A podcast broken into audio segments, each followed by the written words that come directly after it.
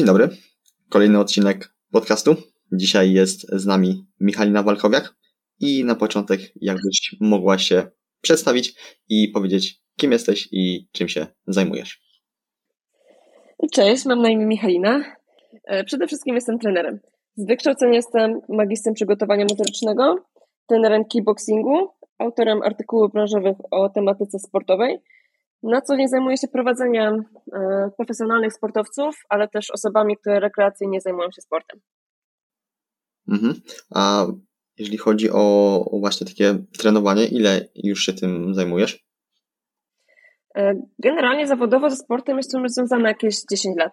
Myślę, że nawet troszkę ponad. Mhm. A jak byłaś młodsza, to mnie to bardzo też yy, ciekawi. Czy byłaś aktywnym dzieckiem, czy jednak e, te zamiłowanie Raczej tak, do... raczej byłam z tych aktywnych. Zawsze gdzieś mhm. tej aktywności sportowej szukałam, czy to ze znajomymi gdzieś tam kopiąc piłkę, skacząc na skakance, cokolwiek. Ale ten ruch był ze mną gdzieś tak od dziecka właśnie. Mhm. A właśnie co najbardziej tak y, lubiłaś robić w tych y, młodszych latach? Generalnie jak byłam młodsza, to nie skupiałam się mocno na żadnej z dyscyplin. Gdzieś tam to była taka aktywność, czy to w szkole na przerwie, czy tam jakieś SKS-y, WF, czy po prostu ruch pozaszkolny. Mhm. Ciężko mi sprecyzować i podać jedną dyscyplinę, może w ten sposób. Jasne, rozumiem. Mm, a ten trening siłowy pojawił się w takim danym, konkretnym momencie Twojego życia? Kiedy on tak y, nastąpił? E, on nastąpił po tym, jak przestałam trenować taekwondo olimpijskie, bo to była jakby taka moja pierwsza, że tak powiem, sportowa miłość. E, zaczęłam ją, jak miałam lat 12, ale po jakimś czasie ta sekcja sportowa zaczęła troszeczkę się rozpadać i musiałam sobie poszukać jakiejś innej aktywności sportowej. Przez jakiś czas było to bieganie, bo było on takie najbardziej dostępne, najprostszą formą ruchu dla mnie aż do czasu, jak odkryłam siłownię. I siłownia była takim odkryciem, że mogę iść kiedy chcę, tak naprawdę mogę robić co chcę i nie jestem z nikim i z niczym jakby związana i zależna od czegoś. Więc na siłownię poszłam dopiero jak miałam lat, tak myślę, 16 jakoś. Mhm. U mnie to też się zaczęło mniej więcej właśnie e, w tym wieku, że zacząłem trenować e, siłowo, bo myślę, że w tym wieku też mm, pojawia się bardziej takie patrzenie na osobę pod względem też e, sylwetki w tym, w tym młodym wieku. Myślę, że tak. No, coś w tym faktycznie może być. I też jest zupełnie inna świadomość, nie? niż jak ma się gdzieś tam 12 lat, a 16 to jest zupełnie e, przepaść. Mhm. No ja na przykład właśnie, gdy byłem młodszy, miałem tam, nie wiem, załóżmy 8-10 lat, coś takiego, e, to nie myślało się tak zbytnio o, o treningu siłowym, nie myślało się tak właśnie o, o sylwetkach, a bardziej właśnie myślało się o tej takiej mm, zabawie tym sportem, bieganiem za, za tą piłką, mm, po prostu spędzania czasu aktywnie. Dokładnie tak. I myślę też, że mając gdzieś tam mniej niż 16 lat, myślę, że będąc zależnym od rodziców i od ich wiedzy, to nie każdy rodzic zgodziłby się, żeby młodsze dziecko poszło na siłownię. Mhm. To też prawda. Nie wiem, co ty myślisz, nie? No, w, w, sumie racja, chociaż no ja akurat y, mówię, nie miałem takiego przypadku, bo dopiero gdzieś mm, ten trening siłowy pojawił się y, u mnie później. Y, no i mhm. też trenowałem bardziej kalistanicznie. W sumie mam to do dzisiaj, że nie trenuję jakoś na ogromnych ciężarach. Mm, bardziej skupiam się na pracy z, z masą własnego ciała. Mm, oczywiście gdzieś mhm. czasem pojawi się jakieś tam wyciskanie, czy jakieś przysiady z większym obciążeniem, znaczy większym to jest y, pojęcie względne, mm, na to ile ja tam gdzieś y, trenuję pod, z tymi wyższymi ciężarami. Y, no ale faktycznie, to akurat no nie zawsze, mm, w ogóle to jest taki mit, że gdy jest się młodszym, to właśnie nie powinno się trenować siłowo, bo, bo się nie urośnie. Dokładnie tak. Ale myślę, że gdzieś już trenerzy od tego odchodzą. I ta świadomość mhm. też oczywiście rośnie, nawet rodziców. Więc myślę, że z biegiem czasu to się powinno zmienić. Mhm. E, a jeszcze chciałbym właśnie zapytać o taekwondo. Mm, ty miałaś jakieś większe osiągnięcia mm, w tym, czy po prostu trenowałaś tak bardziej rekreacyjnie? Generalnie bardziej rekreacyjnie. Miałam jakieś tam dwa, trzy starty, ale przez patrząc jak długo uprawiałam tę dyscyplinę, to naprawdę nie jest to nic wielkiego. Myślę, że takim jednym z większych osiągnięć, a też takich bardziej osobistych, to jest zdobycie wszystkich uczniowskich stopni, bo mamy stopnie uczniowskie, mamy mistrzowskie i stopnie są pasami, tymi belkami na pasach. I skończyłam swoją przygodę z taekwondo mając czerwono-czarny pas. Więc to jest ten taki ostatni, bo już później są tylko czarne. Ale co ciekawe, ten pas jakby umożliwił mi prowadzenie zajęć właśnie w tym klubie, gdzie trenowałam. Bo też są jakieś wymogi na instruktora. Rozumiem. No tutaj e, trzeba tylko pogratulować w takim razie. Mm. Dzięki. A jeszcze chciałbym właśnie zahaczyć, bo przeglądając e, Twój e, profil właśnie, zajmujesz się też mhm. kickboxingiem. Aktualnie tak troszeczkę kickboxing szedł na dalszy plan, przez to, że skupiłam się na trójboju. Miałam taki okres na studiach, bo na kickboxing to naprawdę poszłam na pierwszym roku studiów, gdzie kierunek e, wymagał ode mnie tego, żeby wybrać sobie jakąś specjalizację.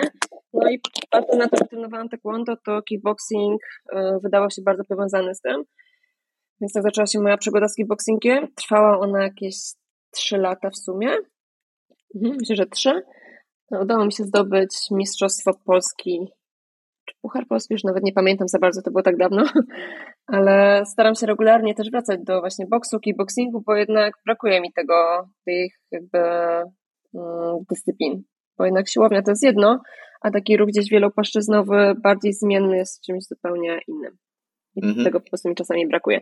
A ze względu na pracę, na treningi trójbołowe nie zawsze jakby mam możliwość pójścia na takie zajęcia no właśnie, znalezienie tego, tego czasu na to, na to wszystko. I, to, I co, energii, nie? Miejscami.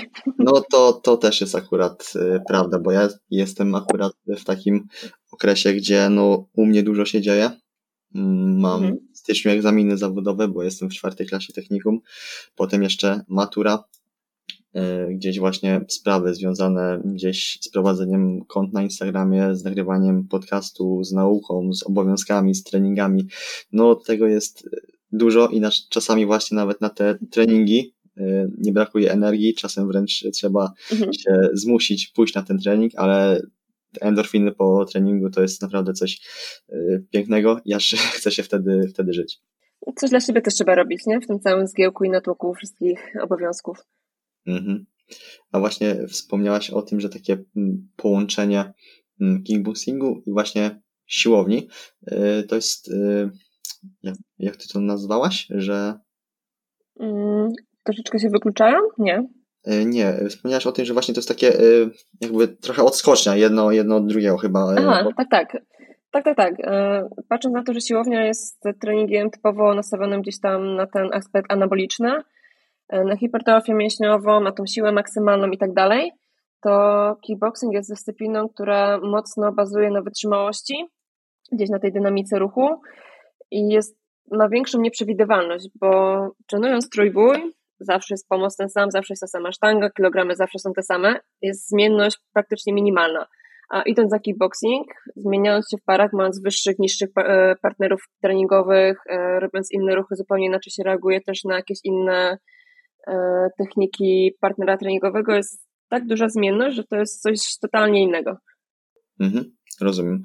Właśnie, bo zapytałem o to, bo ja w pewnym momencie właśnie też zorientowałem się, że jak skupiłem się tylko na treningach siłowych, nie robiłem mhm. tak nic więcej typowo sportowego, no jedynie gdzieś takie, no nie wiem, granie na WF-ie, chociaż WF w klasach ponad teraz podstawowych jestem akurat jeszcze po gimnazjum. No w technikach, mhm. w liceach, no to wygląda śmiesznie, mm, ale już też poruszałem kiedyś, no. to, to już poruszałem też kiedyś ten temat, że to jest śmiech na sali.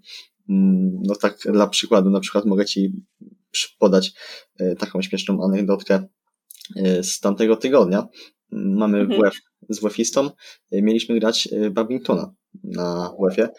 To jeden WF-ista dał nam właśnie paletki, a drugi nam te paletki zabrał, bo wszedł ze swoją klasą na salę gimnastyczną i powiedział, że mamy iść do szatni. Także no, czasem są właśnie... Czyli takie... nie było.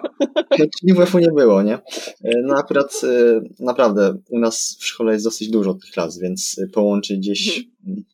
WF-y, gdzieś gdzie ta sala też nie jest e, duża, jak hmm. wiadomo, jest jeszcze gdzieś lato czy wiosna, można wyjść na dwór, gdzie coś porobić jeszcze na dworzu, pograć w piłkę. Więcej możliwości. Jest więcej właśnie możliwości. A tak, no jest hmm. tylko gdzieś tam mała siłownia, jest sala gimnastyczna, studio ping-ponga, a jednocześnie WF mają 3-4 klasy, także no. Mhm, to powiem Ci, że moje liceum na przykład tak obeszło problem mm, małej przestrzeni do WF-u, że schodziliśmy do piwnicy i graliśmy w tenisa stołowego i generalnie mhm. były to bardzo fajne zajęcia, chociaż wydawałoby się, że gdzie ping-pong w piwnicy, nie? A było naprawdę fajnie, więc jakby wszystko jest gdzieś tam, wydaje mi się, że jest do obejścia. Mhm. Znaczy to na pewno jest y, do obejścia. Mm, tak jak mówię, u nas jest gdzieś ta, ta mała sala, jest oczywiście y, siłownia, mm, no mhm. jest ten stół do ping-ponga, no jest faktycznie jeden, no ale też ile można grać w tego, w tego ping-ponga tak naprawdę. Mm, jak jest właśnie jest gdzieś ta sala, to można czy to pograć w siatkówkę, czy to, czy to w kosza, tym bardziej w siatkówkę, bo to jest y, siatkówka akurat sprawia mi bardzo dużo frajdy ostatnimi, ostatnimi czasy. Dobra, y, a w sumie ja chciałem jeszcze y, zapytać, bo jakiś temat zacząłem, a, a nie pamiętam. Mm, chciałbym Cię zapytać o to, jakie błędy mm, popełniałaś na przestrzeni właśnie tych lat, związanych nie tylko z treningiem, ale też y, może z odżywianiem. Mm, to może wiesz co, zacznę od tych treningowych. Mhm. Jak był pierwszy taki boom na rollery, mobilizacje, gumy treningowe i takie rzeczy, to bardzo dużo osób, niestety w tym też ja, e, wpadłam w taką pułapkę mm, przerost formy nad treścią odnośnie rozgrzewki i moja rozgrzewka była tak przekombinowana, tak długa, że myślę, że nie jedna osoba mogłaby to ze spokojem traktować już jako trening, więc to na pewno. Teraz na przestrzeni gdzieś tam czasu nauczyłam się tą rozgrzewkę gdzieś optymalizować, żeby faktycznie spędzać nad nią tyle czasu i energii, żeby siła też wystarczyła na trening. Więc myślę, że to jest taki jeden e, z błędów, który dalej się pojawia gdzieś tam na siłowniach, że ktoś potrafi się godzinę mobilizować przed dwoma ćwiczeniami. E, kolejnym takim błędem, który mi przychodzi na myśl, jest to, że zaczynając gdzieś swoją przygodę z treningami, to miałam przeświadczenie, że trener jest totalnie nieomylny i że to, co mówi trener, to jest świętość, nie można tego podważyć. Ale wydaje mi się, że z perspektywy czasu, że jednak warto chodzić w różne miejsca na treningi, chociażby tych samych dyscyplin i jakby weryfikować tę wiedzę, czy ona się gdzieś pokrywa, czy nie do końca. A tak jeszcze tutaj y, Ci przerwę. A propos właśnie mhm. trenera i takiego jego autorytetu, y, mhm. to słuchałem właśnie jakiś czas temu właśnie na kanale sportowym y, Hyde Park z Adą Sułek i właśnie mhm. zawsze jak trener u niej wprowadzał coś nowego albo robili mm, coś po raz któryś, to ona zawsze pytała się, jaki jest cel tego treningu. Bo przede wszystkim właśnie ona, gdzie jest y, wieloboiską, no to musi się skupiać na wielu gdzieś mm, takich płaszczyznach, ale też y, no, hmm. musi się, musi też, ona musi wiedzieć przede wszystkim, jaki jest cel. Bo jeżeli ona nie wie, jaki jest cel, no to ona jakby nie widzi sensu w robieniu tego. Mhm. To jest tak zwana zasada świadomości treningowej, e, czyli to wychodzi w ten sposób, znaczy to sprowadza się do tego, że osoba wykonująca dane zadanie ruchowe powinna wiedzieć, czemu ono służy, dlaczego je wykonuje, po co, jakby buduje tę świadomość, bo też mi się wydaje, że troszkę bezsensowne jest wykonywanie ślepo poleceń, ale trenerzy niestety często też nie potrafią uzasadnić co, jak, dlaczego i po co, więc wydaje mi się, że tu jest dość duża pułapka na to, nie? Albo często odpowiedzi były, że tak powiem, zbywające i to właśnie ten autorytet trenera faktycznie podważało, nie? Dobra, a jeszcze jakbyś miała wspomnieć o błędach dietetycznych? Błędy, błędy dietetyczne chyba były jeszcze gorsze, bo e, byłam też ofiarą diet 1000 kalorii na przykład, co jest zapotrzebowaniem kilkulatka, a co dopiero dla gdzieś tam nastolatki, bo to było jak miałam tam 17-18 lat. E, potrafiłam kręcić godzinę cardio, mając zapotrzebowanie rzędu 1500 kalorii, więc się robiło ich jeszcze mniej.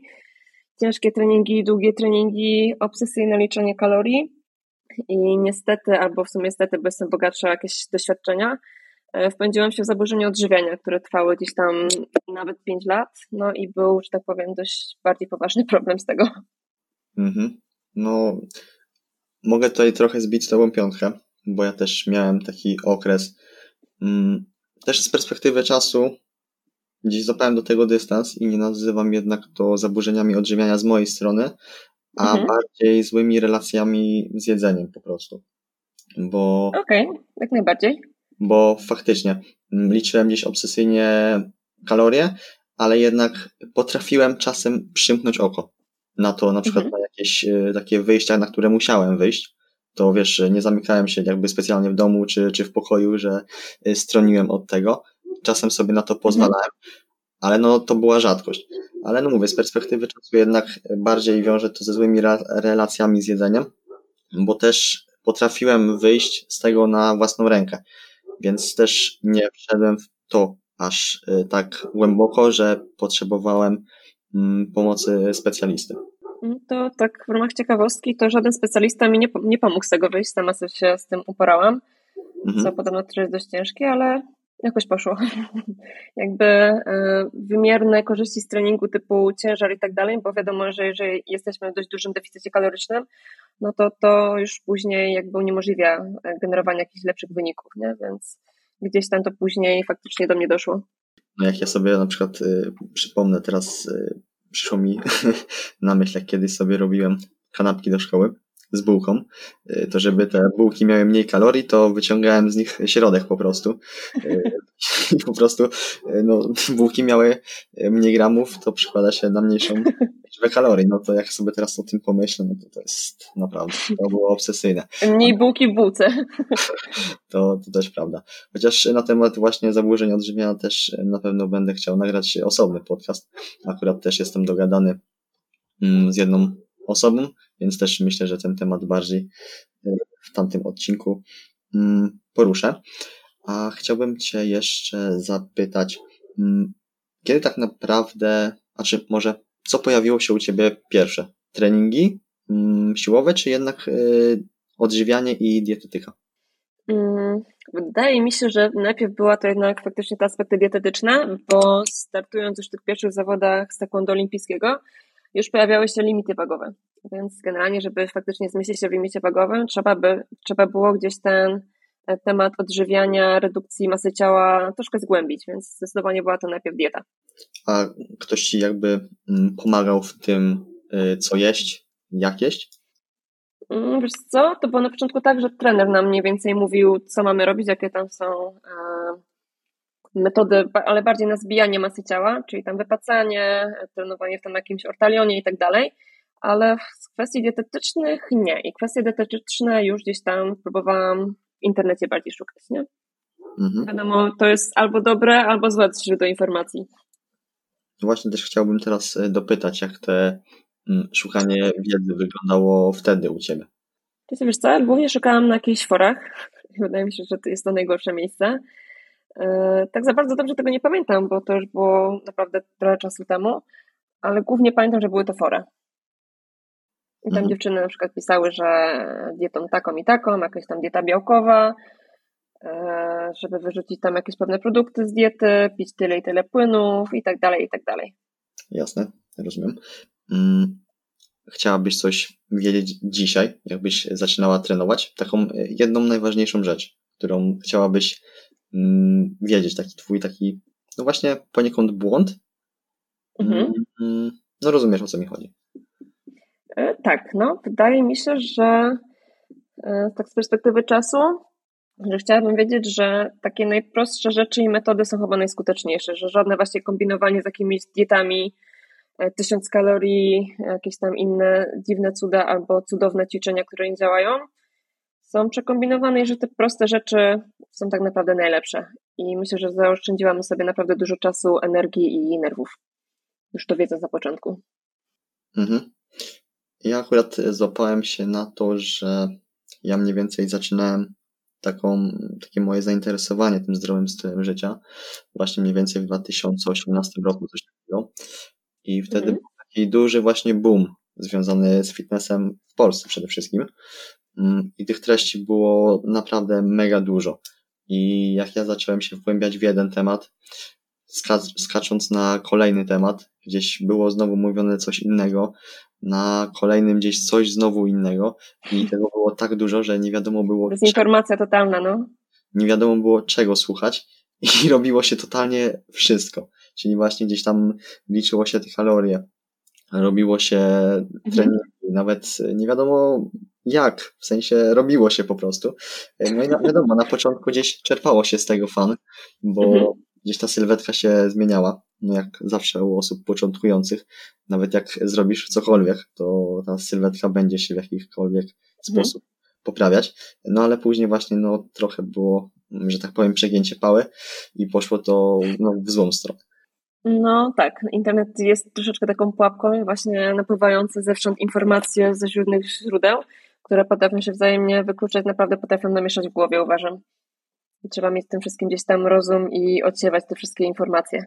A tak jeszcze e, z ciekawości chciałbym mm, zapytać, czy u Ciebie na studiach e, ta wiedza jest e, przekazywana w taki mm, właśnie sposób bardziej naukowy, czy jednak są jednak powielane jakieś mity, czy właśnie coś podobnego? No i nie wiem, czy to jest dobry temat. Generalnie mm, studia były troszeczkę, no, studia były bardzo specyficzne. Czułam tam z troszkę innym nastawieniem niż jak się okazało gdzieś tam w trakcie. Im dalej, tym miałam też większą świadomość, miałam większe doświadczenie, e, większą wiedzę. I z czasem okazywało się, że jednak nie wszystko, co wykładowcy próbują nam przekazać, jest aktualne, może w ten sposób. Było też dużo takich troszkę przestarzałych metod, co niekoniecznie jakby um, powinnam, niekoniecznie uważam, że powinno się je przekazywać dalej. Ciekawe też było to, że e, na kierunku mm, trenerskim mieliśmy bardzo dużo biegania, bardzo mało siłowni, siłowni praktycznie w ogóle nie mieliśmy, gdzie przygotowując przyszłych trenerów e, przygotowania motorycznego, no jednak ten trening głównie opiera się e, na siłowni, a nie na bieganiu, bo jakby będąc trenerem niekoniecznie muszę biegać z moimi zawodnikami, prawda? Mhm. Ale muszę iść na siłownię, pokazać im jak wygląda tam przysiad, zarzut czy cokolwiek, więc to było dla mnie dość spore zaskoczenie. Ale miałam też okazję spróbować wielu fajnych nowych dyscyplin, więc jakby urozmaiciło to moje e, mój warsztat ruchowy, może w ten sposób. Miałam też okazję na własnej skórze przetestować, jak działają inne dyscypliny, niekoniecznie te moje. Mm, dużo takiej mieliśmy książkowej wiedzy, takiej faktycznie były takie klasyki, powiedzmy, e, każdej, każdego przedmiotu, gdzie te książki są faktycznie już wiekowe, ale uważam, że jeżeli chodzi o podstawy, to te książki, te źródła są jak najbardziej ok, ale uzupełniłabym to też o jakieś nowsze źródła, więc myślę, że ma gdzieś tam taki balans e, uczelnia, a szukanie wiedzy na własną rękę. Myślę, że to jest naprawdę, e, ma prawo bytu, nie? Mhm. No niektórzy zamykają się na tą wiedzę, jak e, skończą właśnie swoją naukę, swoją edukację, to zamykają się na to, mhm. co było kilkanaście lat temu, no i cały czas gdzieś to, to mówią, a tak jak y, też widzimy, wszystko się tak naprawdę no, zmienia. Mm, możemy to Oczywiście, nawet. że tak, ale. Mhm. Możemy to nawet zauważyć na głupich aktualizacjach, czy to w komputerze, czy to w telefonie. Nadal są gdzieś tam właśnie nowe rzeczy dodawane i tak dalej. Tak y, samo Jasne. jest też w innych mm, dziedzinach życia. Mhm, ale właśnie e, to, o czym mówiłam, to też pije do tego, że jakby, jakby anatomia i fizjologia ludzkiego ciała za bardzo się nie zmieni na przestrzeni lat, ale już jakieś metody treningowe czy środki mogą faktycznie e, być bardziej nowoczesne i bardziej skuteczne, nie? więc myślę, że to się jedno z drugim naprawdę może fajnie uzupełniać. Jasne, jasne. E, tu się oczywiście mm, zgodzę, bo właśnie takie e, rzeczy jak anatomia, czy nie wiem, matematyka, mm. o, no to, to się nie zmieni, ok? Ale właśnie są rzeczy, jasne. które cały czas e, mają jakieś mm, właśnie takie małe rzeczy, które mogą czasem dużo zmienić, nie? Mhm. Tylko trzeba szukać na własną rękę, nie? I właśnie weryfikować te wszystkie informacje. Mhm. Jak aktualnie wygląda twój, twój trening? W ogóle masz jakiś e, cel? Bo wspomniałaś coś o trójboju, tak? Tak, no. E, aktualnie mam powód do formy. E, generalnie zacznę może od tego, że prowadzimy też inny trener, więc to jest też ciekawe, że u nas w środowisku często trenerzy mają też swojego trenera i jest to coś całkowicie normalnego. Mm, aktualnie przygotowuję się do zawodów w lutym i w marcu, które już marcowe się zapisałam, więc już klamka, że tak powiem, zapadła. Będzie to mój powrót na pomost trójbojowy od, od roku. Jakoś tak, niecały rok miałam przerwę. Także teraz mam cztery treningi siłowe, podzielone na trening góry, trening dołu. Yy, I jestem w okresie hipertrofii, czyli budowania jest tam masy mięśniowej, z której później yy, możemy przejść do następnych mesocykli. Mhm. Właśnie jeszcze a propos y, trenerów, to ja myślę, że to jest mhm. naprawdę spoko rozwiązanie, właśnie jak ktoś ma jakiś konkretny mm, cel, bo może właśnie mhm. spojrzeć to, on spojrzeć od trochę innej strony. Mm, pod, pod tym względem, że albo trenujemy za lekko, albo za mocno, bo jednak my mhm. jesteśmy wobec siebie trochę uczciwi y, i trochę nie doszacowujemy tego, jak naprawdę mhm. trenujemy. Tak, wiesz co? I nigdy nie jesteśmy do siebie, mm, że tak powiem, obiektywni. Zawsze mhm. mamy tam jakieś właśnie, tak jak mówisz, e, subiektywne wyobrażenia. Ja też siebie nie widzę z boku, więc to też mi się wydaje, że trener tutaj e, tą jakby kwestię rozwiązuje.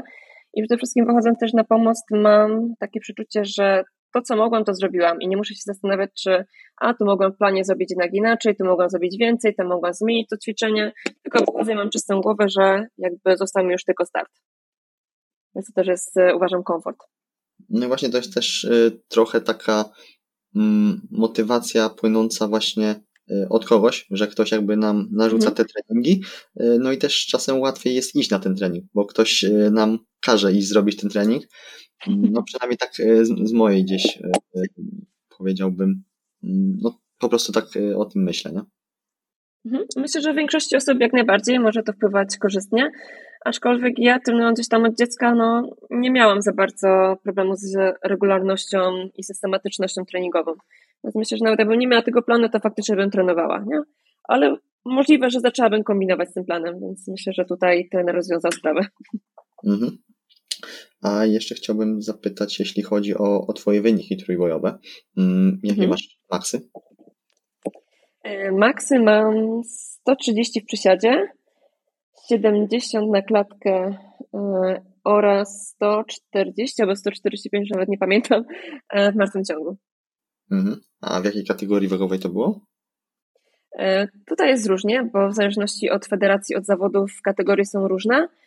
Startuję albo do 60 kg, albo do 63 i najczęściej na wadze mam 60-59, nie? W zależności właśnie jaka kategoria wagowa. Mhm. I niestety moje kategorie, jeżeli startuję w całym triboju, bo też mamy zawody e, w pojedynczych bojach, jest kategorią taką najbardziej obsadzoną, że jest najwięcej tych dziewczyn niestety w mojej kategorii. No jasne, rozumiem. Dobra. Myślę, że temat Twojej osoby mamy zamknięty. Chyba, że jeszcze mi coś przyjdzie do głowy, to o tym porozmawiamy. A chciałbym teraz e, poruszyć temat, e, myślę, trochę mnie też interesujący, ale też e, osoby, które e, są płci pięknej słuchającej tego podcastu, myślę, że mogą coś dla siebie wyciągnąć. A chciałbym poruszyć temat kobiet trenujących właśnie siłowo. I na sam początek pytanie, dlaczego niektóre kobiety boją się trenować siłowo? E, wydaje mi się, że takim głównym czynnikiem, który to determinuje, jest to, że panie boją się wyglądać jak mężczyźni. I wydaje mi się, że właśnie tu jest największa pułapka, bo kojarząc trening siłowy kobiet, to w głowie pojawia nam się taka naprawdę duża kulturystka, która jest e, dość mocno umieśniona i jest w formie startowej, czyli jest wyżułowana, że tak powiem, czyli ma tą tkankę tłuszczową dość nisko. No i niestety taka sylwetka to tak naprawdę są lata ciężkiego treningu, diety i o tym się też często nie mówi i farmakologii, bo kobiecy organizm absolutnie nie jest stworzony do tego, żeby trzymać tak nisko tkankę tłuszczową i żeby rosnąć do takich rozmiarów. Więc panie, które boją się e, rozrosnąć do takich właśnie sylwetek, no raczej im to nie grozi. Mhm. A też e, no właśnie zapominają o tym, że trening siłowy nie tylko musi się skupiać na hipertrofii, bo żeby hipertrofii, doszło... Dokładnie tak bo żeby doszło do tej hipertrofii, no to jednak e, trzeba spełnić szereg e, warunków, czyli właśnie trening blisko upadku, mm, nadwyżka kaloryczna. Myślę, że to jest e, bardziej takie optymalne do, do wzrostu tych mięśni. Mm, no i właśnie zapominają o tym, że ten trening siłowy może być naprawdę super dodatkiem, który gdzieś nie tylko może poprawić sylwetkę, nie musi zbudować mięśni, ale może po prostu poprawić kompozycję tej sylwetki, Mm, poprawić. Nawet wiesz co, nie musi całej kompozycji poprawiać, przepraszam, że się wtrącę, ale już jakby wpływając na samą postawę ciała, już sylwetka wygląda lepiej, a to też robimy treningiem siłowym, prawda? To też prawda. E, odpowiednio gdzieś tam zaplanowany trening siłowy może nam zmniejszyć poziom tkanki tłuszczowej e, w organizmie. Właśnie tak jak wcześniej mówiłam, naprostować nam sylwetkę. E, co dalej? Mm. no, jest naprawdę szereg korzyści, które niekoniecznie wiążą się właśnie z hipertrofią mięśniową. Powiem tak, jest milion plusów, a minusów no praktycznie nie widzę. Tak, no też nie widzę, bym miała powiedzieć. Tylko właśnie jakby sednem do tego jest to, żeby to optymalnie zaplanować i zadbać o tą resztę czynników, nie? W zależności właśnie, czy panie chcą y, zmienić swoją sylwetkę budując ten mięsień, czy się wyszczupić, zmienić proporcje, cokolwiek. Mhm, to prawda. Mm, czy trening kobiet powinien się jakoś y, różnić od y, treningu mężczyzn? Ja uważam, że może, ale niekoniecznie musi, bo tak naprawdę zależy to właśnie od celu treningowego. I teraz chociaż patrzę na ten trening trójbojowy, no to trening jest prawie taki sam, aczkolwiek jedynym takim e, czynnikiem, gdzie te różnice występują, jest to po prostu dostosowanie treningu pod cykl menstruacyjny kobiety. Więc wydaje mi się, że sportowo raczej nie powinien się różnić, ale jeżeli już patrzymy na osoby rekreacyjne, to raczej tak. Y, fajnie, że poruszyłaś ten temat cyklu menstruacyjnego, bo w sumie y, wyleciało mi to kompletnie z głowy, mm, bo mhm. jakiś czas temu właśnie czytałem trochę na ten temat i wiem, że w pewnych gdzieś fazach tego cyklu można trenować y, ciężej, a jednak mhm. są też fazy właśnie, gdzie warto trochę spuścić mm, stonu i trochę bardziej skupić się na regeneracji. Oczywiście, no więc właśnie to jest głównie ta różnica, czyli ja bym powiedziała, że jest to determinowany przez po prostu układ hormonalny, który jest zupełnie inny u kobiety i u mężczyzny. Mhm. E, dobra, wspomnieliśmy też e, o tym, dlaczego warto trenować e, siłowo, ale dlaczego szczególnie kobiety powinny trenować siłowo? Mhm. Czy są jakieś takie właśnie konkretne punkty, które mogłyby właśnie mm, panie tak zmotywować do, do podnoszenia tych ciężarów? To dobra, no to patrząc troszeczkę szerzej na aspekt zdrowotny, to większy procent tkanki mięśniowej w organizmie zwiększa zapotrzebowanie energetyczne, czyli y, mając więcej mięśni, możemy jeść więcej i nie tyć, bo to zapotrzebowanie jest gdzieś tam wyższe. Y, co jest istotne u kobiet już w takim wieku średnim podczas menopauzy, to zwiększa ryzyko y, osteoporozy, czyli choroby kostnej, gdzie dochodzi do większej ilości złamań, tym bardziej tych patologicznych a trening siłowy zwiększa mm, gęstość mineralną kości, gdzie kości stają się, tak powiem, mocniejsze, gęstsze, tak w cudzysłowie, e, zmniejszając to ryzyko. Poza wzmocnieniem kości wzmacniają się też tkanki łączne typu więzadła, chrząstki stawowe i ścięgna, co też już uważam istotne, tym bardziej jak już e, jesteśmy w troszeczkę bardziej zaawansowanym wieku. No i wiadomo, wpływa to też na sprawność fizyczną, czy to musimy, nie wiem, nosić dziecko na rękach, czy podnosić jakieś ciężkie przedmioty, przenosić i tak dalej, to myślę, że to też potrafi ułatwić życie. Mhm. Myślę, że jeszcze tutaj ważny temat, y, który warto mhm. poruszyć a propos mm, właśnie tego tematu kobiet trenujących siłowo, że warto jednak trenować całe ciało, a nie tylko dół, tak jak niektóre panie niestety Mm, skupiają się właśnie tylko na rozbudowie pośladków, mm, właśnie mhm. nóg, a no przede wszystkim warto się skupić na aspekcie całego ciała. E, tak, jak najbardziej. Ja to zawsze porównuję do, takiego klasycznego pana, którego nazywamy bocianem, który zawsze robi klatkę piersiową i biceps i totalnie nie ma rozwiniętych mięśni nóg. Wygląda to co najmniej dziwnie i wydaje mi się, że to, to też działa w drugą stronę, czyli pani, która robi tylko pośladki, a w ogóle pomija resztę, part, resztę mięśni w ciele, no to wygląda to troszkę mniej estetycznie, chociaż wiemy, że estetyka jest dość pojęciem względem każdemu podoba się coś innego, ok, ale problem jest taki, że to prowadzi do dysfunkcji i mogą pojawić się jakieś bóle kręgosłupa, yy, może się klatka piersiowa, że tak powiem, zamykać, pojawiają się właśnie zespoły skrzyżowania dolnego, górnego. No nie jest to nic dobrego. Mhm. E, czy myślisz, że jakiś jeszcze temat jest warty poruszenia właśnie w aspekcie osób trenujących? Mm, myślę, że nie. No chyba, że masz jeszcze jakiś e, temat, to możemy, możemy poruszyć. Nie, myślę, że nie. Okej, okay, dobra. To myślę, że właśnie możemy zamknąć ten temat e, i też e, zbliżając się, myślę, do końca tego podcastu, nawet szybko się tutaj um, uwinęliśmy z tym wszystkim. Ale jeszcze chciałbym trochę porozmawiać właśnie mm, o tobie. Jakie masz plany mm, na przyszłość? Już właśnie wspomniałaś o, o zawodach, ale czy też myślisz o czymś też myślę w życiu trochę prywatnym, czy też masz jakieś małe marzenie na następny rok? Jak to wygląda?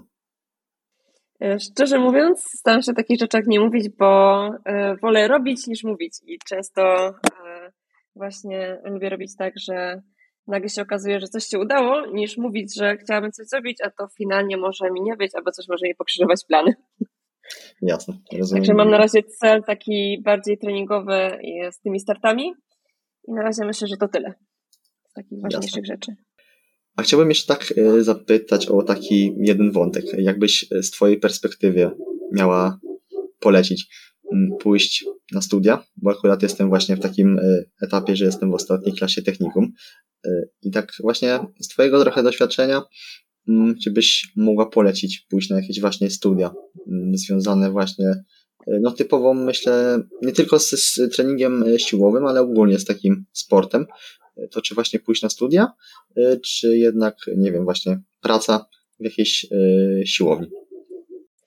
Myślę, że bardzo fajnie byłoby połączyć obie te kwestie, bo studia, e, akurat wiadomo, mamy różne e, kierunki, w zależności kto co chce robić, bo jest wychowanie fizyczne i jest sport z takich bardziej sportowych kierunków.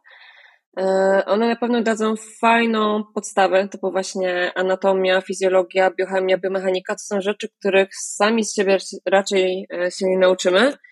E, na szkoleniach są to tematy poruszane dość tak w okrojonej formie, więc myślę, że to jest akurat duży plus. I będąc na studiach gdzieś tam, nie wiem, chociażby dziennych, bo wiadomo, że na zaocznych możemy pracować w ciągu tygodnia, więc to na pewno by się jedno z drugim uzupełniło ale myślę, że podejmować gdzieś tą pracę już jako trener, albo chociaż jako asystent trenera, bo ja tak zaczynałam. I to mi dało bardzo fajną okazję w ogóle raz, że obserwacji treningu. Mogłam się opatrzyć dokładnie, jak trening powinien przebiegać, na co zwracać uwagę i tak dalej.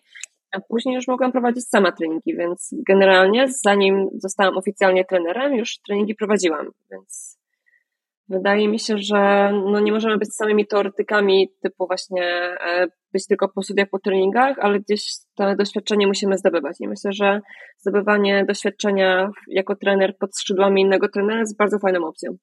Jeżeli mhm. ktoś ma oczywiście możliwość. A jakbyś miała właśnie dać radę takim e, młodym, początkującym trenerom, y, to jakie by to były rady?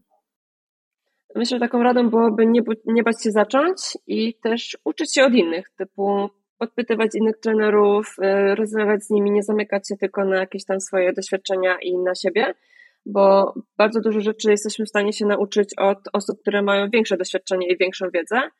I też cały czas szukać, szukać, szukać jakichś e, ciekawych rzeczy, nowych informacji, nie osiadać, że tak powiem, na laurach, bo skoro już mam papiery trenera, to znaczy, że chyba już nic nie muszę robić, nie? Więc myślę, że e, tu jest też taka mała pułapka czekająca na trenerów. I tak e, na sam koniec, mm, jakbyś miała przekazać taką swoją myśl, e, taką płynącą z serca, czy to jakiś cytat, czy to jakieś mm, przesłanie dla, dla słuchaczy, czy to związane z treningiem, czy to z życiem, cokolwiek, oddaję Ci mikrofon.